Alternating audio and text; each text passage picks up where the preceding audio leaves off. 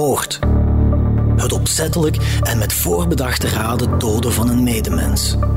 Het is het zwaarste misdrijf dat iemand kan begaan.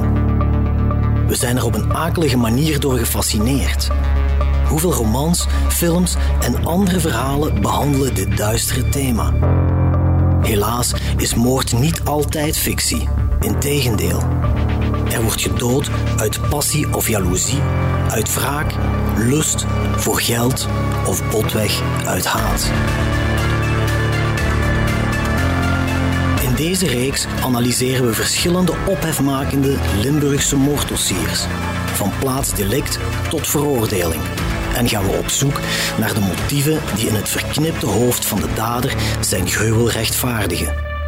Ik ben Geert op Teinde en dit is Van Moord tot Verdikt. De Villa-moord, deel 1. Het was tussen half drie en drie uur. Ik kreeg een telefoon. Ik dacht, oh, wie belt er nu? En ik hoorde mijn vrouw aan de lijn en die zegt... Is ze bij? Ik zei ja. Het is hier het San Franciscus ziekenhuis in Heusden. Uw ouders zijn verwikkeld geraakt in een gijzelingzaak. Wat is dat? Uh, uw vader is doodgeschoten en uw moeder ligt hier in het ziekenhuis. Uh, ik zei, en wie bent u eigenlijk? Ja, ik was heel verschoten. Ik dacht, hey, je zit dan niet goed wakker en, en je denkt, wat is er allemaal aan de hand? Ja, en toen legde ze dat nog eens uit. U hoort Peter Trippaars, een 56-jarige hasselaar die u misschien wel kent als deelnemer aan Big Brother.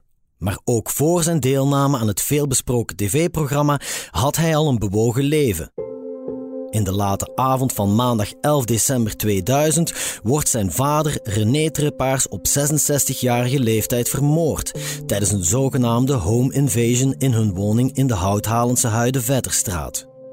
Moeder Maria, Mia Pazen, op dat moment 65, leeft nog en wordt in shocktoestand opgevangen in het Sint-Franciscus ziekenhuis in Heus de Zolder. Peter regelt opvang voor zijn eigen zoon en vertrekt hals over kop met zijn vrouw naar zijn moeder. Ze was dan wel verward natuurlijk en, en dat is onwezenlijk. Dat is iets onwezenlijk. Dat was zoiets, ik was ook heel boos, want iets van, maar waarom? Waarom? Waarom? Wat is daar te halen? De villa van de familie Trippaars ligt in de Huide Vetterstraat, in de beruchte wijk Meulenberg. Wat heeft zich daar afgespeeld in de uren voor Peter een telefoontje krijgt van het ziekenhuis? Ze waren nog tv aan kijken. Ik denk dat rond half twaalf zoiets geweest is. Denk ik. Was tv, maar mijn moeder was zelfs aan het bellen met iemand. En toen zijn ze eigenlijk door het raam binnengesprongen. Hè. We waren, ja...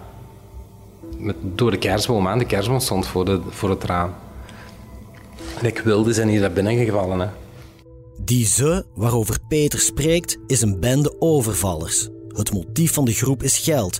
En om dat te bekomen gaan ze wel heel hardhandig te werk. Zo vertelt Erik Valkenborg, lid van de GDA, dat later is opgegaan in de federale gerechtelijke politie van Hasselt.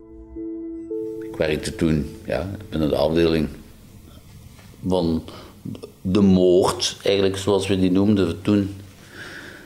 En we weten dat ik die bewuste in de ochtenduren gebeld ben die worden, dat die feiten zich hadden voorgezien in de Huidenwaterstraat. Ja. En zoals naar gewoonte zijn we dan met een aantal collega's onmiddellijk ter plaatse gegaan en werden we geconfronteerd natuurlijk met, uh, met hetgeen wat daar was voorgevallen. En wat toen dan natuurlijk opviel was de wijze waarop men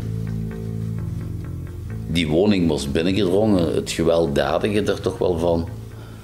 Ehm, mevrouw Mia Pasen, de echtgenote van het slachtoffer, die was ondertussen opgenomen in het ziekenhuis omdat die vrouw compleet van de kaart was. Uh, werd duidelijk dat die jongens daar zijn binnengedrongen via de zijwoon, via de zijkant, door een raam in te slagen, net op de plaats waar toen de kerstboom stond. Ehm, die kerstboom was omgevallen, een kerstballen lagen daar kapot. Mia was op dat moment aan, aan, aan het telefoneren toen dat gebeurde. Haar man zat naar tv te kijken. En echt gewelddadig zijn ze er tussen gekomen. Ze hebben die mensen slagen gegeven. Ze hebben die gekneveld. En de jongens moesten geld, juwelen. Daar, daar werd achter gevraagd. En toch wel, vooral de man werd vrij hardhandig aangepakt. En dat heeft enige tijd geduurd. Mia, de vrouw van René, gaat noodgedwongen in op de eis van de overvallers. Maar de juwelen die zij hen overhandigt blijken nep te zijn, waarna de gangsters hun plan wijzigen. De bende splitst zich op en twee van hen gaan met de bankkaart van het koppel op zoek naar een bankautomaat. Ze wouden eigenlijk geld hebben en de juwelen. Maar mijn moeder haar juwelen ergens anders gelegd. Waarom? Want dat zit ergens in een schuif achterin. Dan denk ik me, wie weet dat? Dat was ook zoiets van, maar wie weet dat nu? Ze heeft dat weggehaald en ze heeft daar gewoon andere juwelen, gewoon nep juweeltjes er neergelegd. En die heeft ze die gegeven. En zij vroegen die andere, die heeft ze niet gegeven. En daar heb ik soms wel moeilijk mee. Ik denk altijd, misschien had die juwelen gegeven, dan waren ze weg geweest. Dan hadden ze het wat ze moesten hebben. Maar dat hebben ze niet gehad. Het zijn twintigers, die, die gaan ergens binnen, die denken, ga je iets halen? En die krijgen het niet. Die zijn dan helemaal, ja, woest. Er was de ene die wat rustiger was, de twee andere waren heel dingen. Want die hadden dan ook gezegd, ik maak je kapot als je het niet geeft. En, en zo echt heel dreigen natuurlijk. Hè. Dus ja, ze hebben heel veel afgezien natuurlijk. Dus mijn moeder heeft dat ook allemaal gezien en meegemaakt. Hè.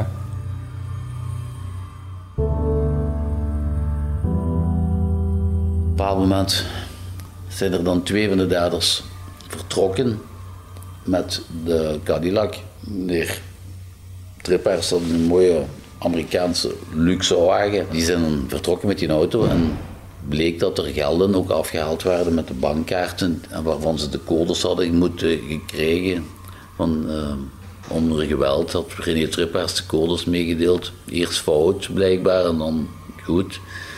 En bleek dat ze in het centrum van, van, van Houthalen gewoon aan de bankcontact waren geweest om gelden af te halen. Dat vader Trippaars de cijfers van de pincode door elkaar haalt, maakt de gijzelnemers woest, zo vertelt Peter. Mijn vader heeft dan nog een slag gekregen met, de, uh, met het bijl op zijn hoofd. Dat bijl dat was, we hadden een open haard, een hele grote open haard voor het hout. En dat stond daarnaast en daar heeft hij de slag van gekregen toen. Ja, die waren in paniek. Hè. Dus mijn vader had al een open schedelbreuk hè, voordat hij stierf. Omdat hij zo tegenspartelde. Ja, die liet zich niet doen natuurlijk. Hè. Twee overvallers vertrekken in de Cadillac van René Trippaars naar het centrum van Houthalen om daar geld af te halen. Een derde jonge man blijft achter in de villa. René ligt zwaar gewond en gekneveld op de grond. Zijn vrouw is niet meer vastgebonden en krijgt van de gangsters het bevel om het alarm, dat intussen is afgegaan, uit te schakelen. Maar Mia is zo gestresseerd dat dat niet meteen lukt, waardoor de alarmbel onafgebroken blijft loeien. En dat maakt de achtergebleven overvaller bloednerveus. Het begin was ze wel vastgebonden, maar ze hebben haar losgemaakt omdat het alarm ging altijd af. Een bepaald alarm in het huis bleef afgaan en zij moesten afzetten. Dus zij moest dan los. Maar dat was iemand van die daders die eigenlijk zo meegaand was. Zo. Haar geruststelde en, en ja, die voelde dat aan dat, dat escaleert hier gewoon. Dat hadden ze ook nooit gedacht dat dat zo een, een inpakking hebben. Die dachten, ik ga dat halen hup, en we gaan, zijn weg. En we hebben het gewoon. En daarmee, mijn vader was lag dan op de grond, maar zij moest dan alle handelingen doen voor dat alarm af te krijgen. Ze was dan zo zenuwachtig en ze kreeg dat niet af. En ja, was heel moeilijk. Dus dat bleef regelmatig dan het alarm afgaan. Ja. Door de zenuwachtigheid, door de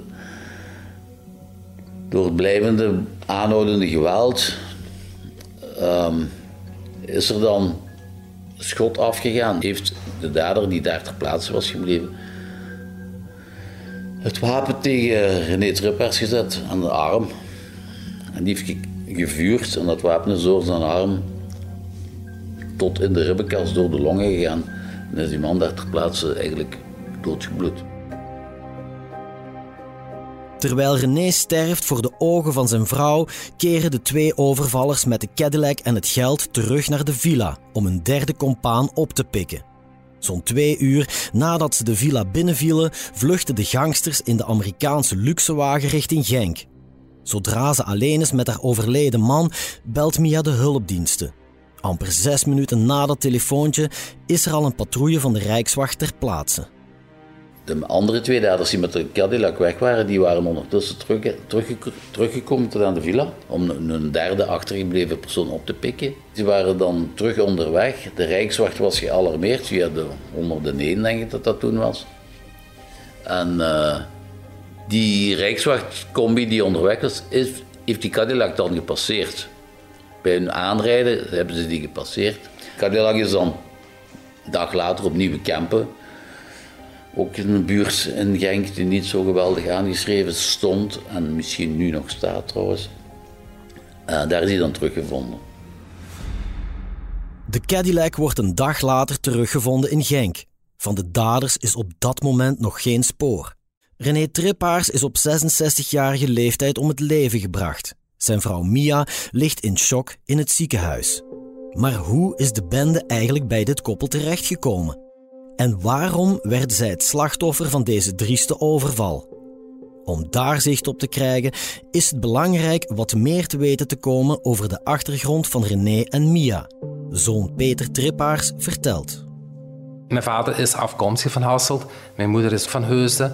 En die hadden dan een huis gebouwd in Houthalen, jaren terug.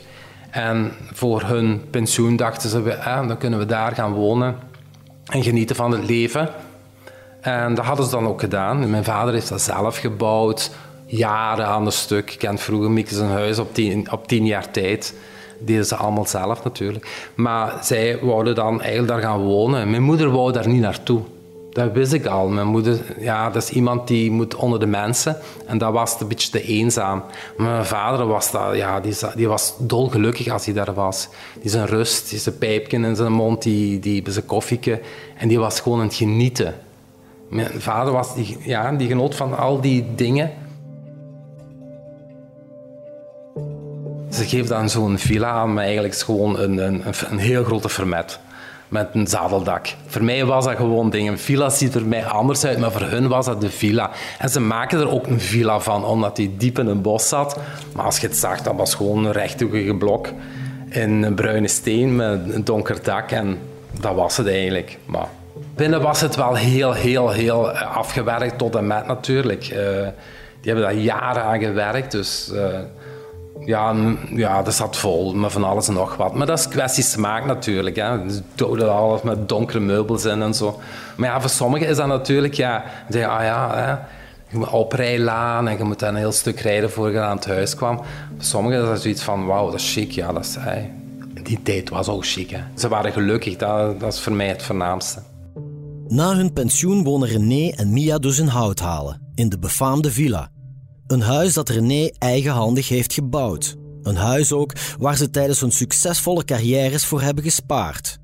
René werkte bij de mutualiteit, Mia had een druk bezochte winkel in babyspullen op de Koolmijnlaan in Heus de Zolder. Die winkel neemt zoon Peter trouwens later van zijn moeder over. Die hebben heel veel geld kunnen verdienen. En, en die hebben ook goed geleefd, ook altijd. Maar ze wouden eigenlijk ook iets hebben. En daarmee hebben ze het huis gebouwd, die villa gebouwd. En ja, daar rond, ik denk, ja, die grond is zo groot als een voetbalveld. Was dat. dat was heel groot. En mijn ouders hebben altijd heel goed gedaan. Goed gedaan in de zaken. Hebben nooit iets tekort gehad. Met het geld dat ze verdienden, bouwde het koppel niet alleen de riante villa die ze zo graag wilden hebben. Ze gunden zichzelf ook wat extraatjes, zoals een mooie auto en juwelen. Ja, mijn vader heeft altijd Mercedes gereden. Hij reed altijd graag met een grote auto. En hij heeft altijd gezegd, ik wil ooit een Cadillac kopen. Ik wil dat eens doen en hij heeft dat gekocht. En er waren er twee in België die dan eh, rondreden eigenlijk. Want eerst dachten ze dat het eigenlijk een, voor de auto was dat ze binnen eh, en, uh, overvallen zijn. Maar eigenlijk niet, want ja, zo'n auto dat valt op natuurlijk. Hè. Maar hij was daar blij mee, ja. Ik vind dat heel belangrijk. Je werkt ervoor, dan moet ook alles hebben wat je wilt doen natuurlijk. Hè. En dat was die Cadillac. Ja, het is een plaats, Mullenberg, Houthalen. Mijn vader reed met een Cadillac, die was er heel fan van. Dat mag hem ook hebben. Maar je zit in een bepaald gebied waar mensen dat zien. Mijn moeder liep daar rond met een kerstboom met juwelen. En dat vond ik altijd zo wel heel moeilijk. En denk, ik mocht dat niet uitdagen, want ja, die zien en denken, ah, die in een mooie villa, achter, helemaal in een bos. Dus ja, ja oké. Zij mogen een leven leiden hoe zij willen natuurlijk. René en Mia hadden niets tekort. Zoveel is duidelijk. Dat is iets wat Peter hun van harte gunt, al is het niet altijd gemakkelijk geweest tussen de zoon en zijn ouders. 25 jaar lang hebben ze geen contact met elkaar. En wanneer in december 2000 de roofoverval in Houthalen plaatsvindt, heeft Peter zijn ouders al lang niet meer gezien. Ook na de feiten herstelt hij het contact met zijn moeder niet meteen. Ik ben kind alleen thuis. Um, relaties was altijd moeilijk. Ik ben getrouwd in 90 met, eh, met mijn toenmalige vrouw en dat was al heel moeilijk. Mijn moeder was eigenlijk een beetje, ze noemen dat verliefd op haar eigen zoon. Het, was altijd, geen één was goed. Er was altijd problemen. En ik heb eigenlijk altijd, ik had een eigen zaak in Heusden en ik wou voor mijn zaak gaan en zeker voor mijn vrouw gaan. Ik had gekozen voor mijn vrouw en niet voor mijn moeder. Mijn moeder heeft mij opgevoed, maar op een bepaald moment moet dat loslaten en ik heb dan een keuze gemaakt. En ja, dat was dan heel moeilijk en ik heb daar afstand van genomen. We zijn dan verhuisd, we hebben een nieuwe, nieuwe bouw gezet en met de zaken al. Dus uh, ja, afstand nemen was voor ons het gemakkelijkste. En ja, dan gebeurt dat natuurlijk. Hè. Ik moet eigenlijk tellen, 25 jaar heb ik eigenlijk geen contact met mijn moeder gehad. Dus een 25 jaar, dus na het gebeurtenis, heb ik ook geen contact met haar gehad. Ik heb mijn vader begraven en dat was het laatste dat ik er gezien heb. Vandaag is de band tussen Peter en zijn moeder, die intussen aan dementie lijdt en die bij gevolg niets meer weet van de roofmoord, weer enigszins hersteld. Dat komt deels ook door zijn nieuwe partner Dirk. Want in de jaren dat Peter geen contact had met zijn mama, is hij gescheiden van zijn vrouw en heeft hij zich geoud. Nu bezoekt hij zijn moeder wekelijks in het rusthuis, al zal hun relatie nooit meer helemaal hetzelfde zijn. Ik heb ongeveer, denk vijf jaar en een half, hebben terug contact gekregen met mijn moeder. Heel toevallig, ook deels door mijn partner Dirk. En ze heeft me dan gebeld dat ze ziek was en zo. En ik wou er eigenlijk niet, geen contact hebben. Tot Dirk zegt zo, je zit kind alleen, je weet van toeten op blazen. Als je maar iets aan de hand krijgt, je weet van niks. Hij zet aan de kant, probeer iets te doen. Ja. Alle moet been. Ik naar haar toe, naar Zolder, want ze woonde toen in Zolder. En ik kom daar aan en zij doet gewoon dat hij mij vorige week gezien had. Ze doet gewoon dat er niks gebeurd is. Maar voor mij was dat heel moeilijk. Oh, ik, was, ja, ik vergeet dat toch. Heel moeilijk was dat. Dus de eerste contacten was heel moeilijk.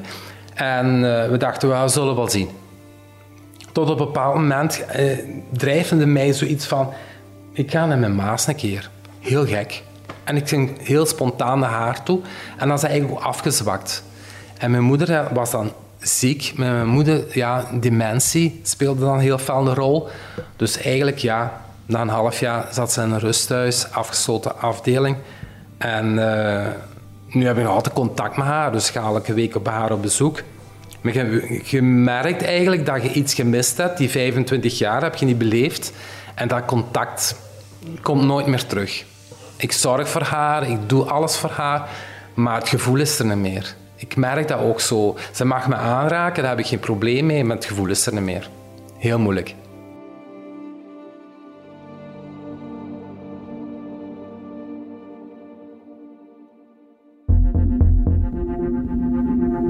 Opnieuw naar midden december 2000.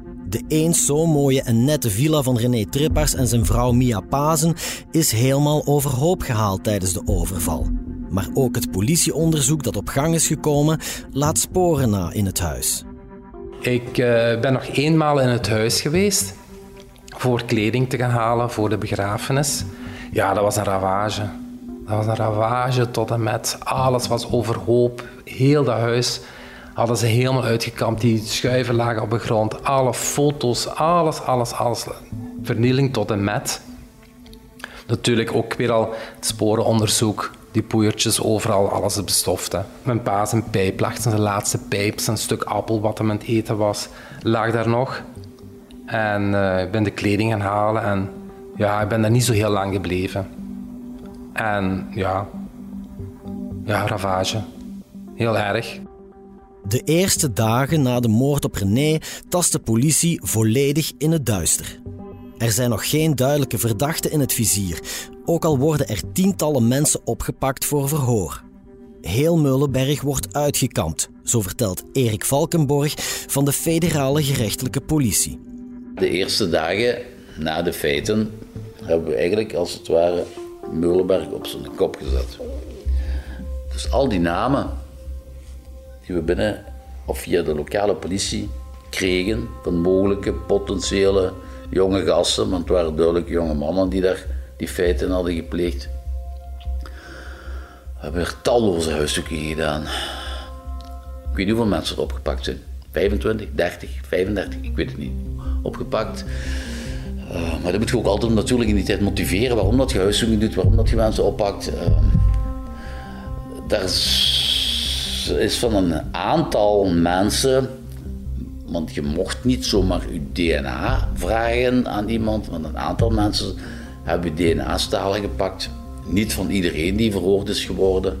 Durf het aantal er niet opplakken hoeveel DNA-stalen van die jongens wat mogelijk in verband zouden kunnen staan met die zaken um, zijn genomen. Maar dat loopt dood op een bepaald moment. Hoeveel mensen de politie ook oppakt en hoe hard er ook aan de zaak gewerkt wordt, het onderzoek komt op een doodspoor terecht. Al weten de speurders wel dat ze de daders in de buurt moeten zoeken. Omwille van het feit dat de lokale politie er natuurlijk ook als eerste instantie en de Rijkswacht als eerste instantie ook bij betrokken waren. Uh, wij ook kennis hadden binnen onderdiensten dat er de laatste maanden uh, steeds zwaardere feiten gebeurden in de regio rond Meulenberg en in Meulenberg zelf. In die zin dat er overvalletjes aan het gebeuren waren op krantenwinkel, nachtwinkels en die toestanden. En dat ging van kwaad naar erger. Ook onder andere door de ligging en van de villa in de Huidenwetterstraat. Uh, de wijze van handelen. Uh, wij vernamen dat ook een van de daders, van de drie daders, uh, de weduwe met de voornaam had, aangesproken, was het voor ons vrij duidelijk dat, dat, dat dat we binnen de regio Meulenberg, waar een grote eh, Marokkaanse gemeenschap toen woonachtig en thans nog denk ik woonachtig was, dat iemand van daaruit of die jongens van daar bepaalde individuen met die feiten betrokken zouden kunnen zijn en die feitdaden hadden gesteld. Er moet dus gezocht worden binnen de Marokkaanse gemeenschap in Meulenberg, want daar zouden de namen van de daders circuleren. Dat weet de politie wel. Maar het buurtonderzoek lijkt makkelijker dan het is, want niemand wil met de speurder spreken. De gemeenschap is niet, vindt dat sowieso niet leuk. In die tijd vond de gemeenschap dat niet leuk als daar iets, ook maar altijd iets van politie rondreed. We zaten daar constant met, met een man of acht, tien, afhankelijk van. We hadden ook nog ander werk te doen. Op, op, op, op Meulenberg en adressen en navragen. Nu, onze dienstauto's kenden ze ondertussen ook al. Maar er waren er veel meer die wisten dat die drie dat gedaan hadden. Ik bedoel, maar niemand doet dit, zijn mond open. Niemand. Geen kip. Niemand wilde kip spelen. Je kunt je dat moeilijk voorstellen. Ik weet niet of het nu nog zo is, want ik kom weinig of niet meer in de regio van Meulenberg. Maar in die tijd, ja, iemand die iets tegen de politie zei, was een kip een kip. Ik kan niet kip zijn, jongen. Ik kon niet kip zijn. Ik bedoel, zo sprak je die. Maar dat was gewoon klikken. Dat bestond niet. Liever honderd keer liegen als één woord verkeerd te zeggen over iemand anders. Niemand in Meulenberg wil een kip zijn. Een verrader, zo zegt Erik. En toch is dat exact wat er gebeurt. Want plots is er iemand die met de politie wil praten. Hoe die getuigenis de zaak in een stroomversnelling brengt, hoort u morgen in deel 2 van De Villa-moord.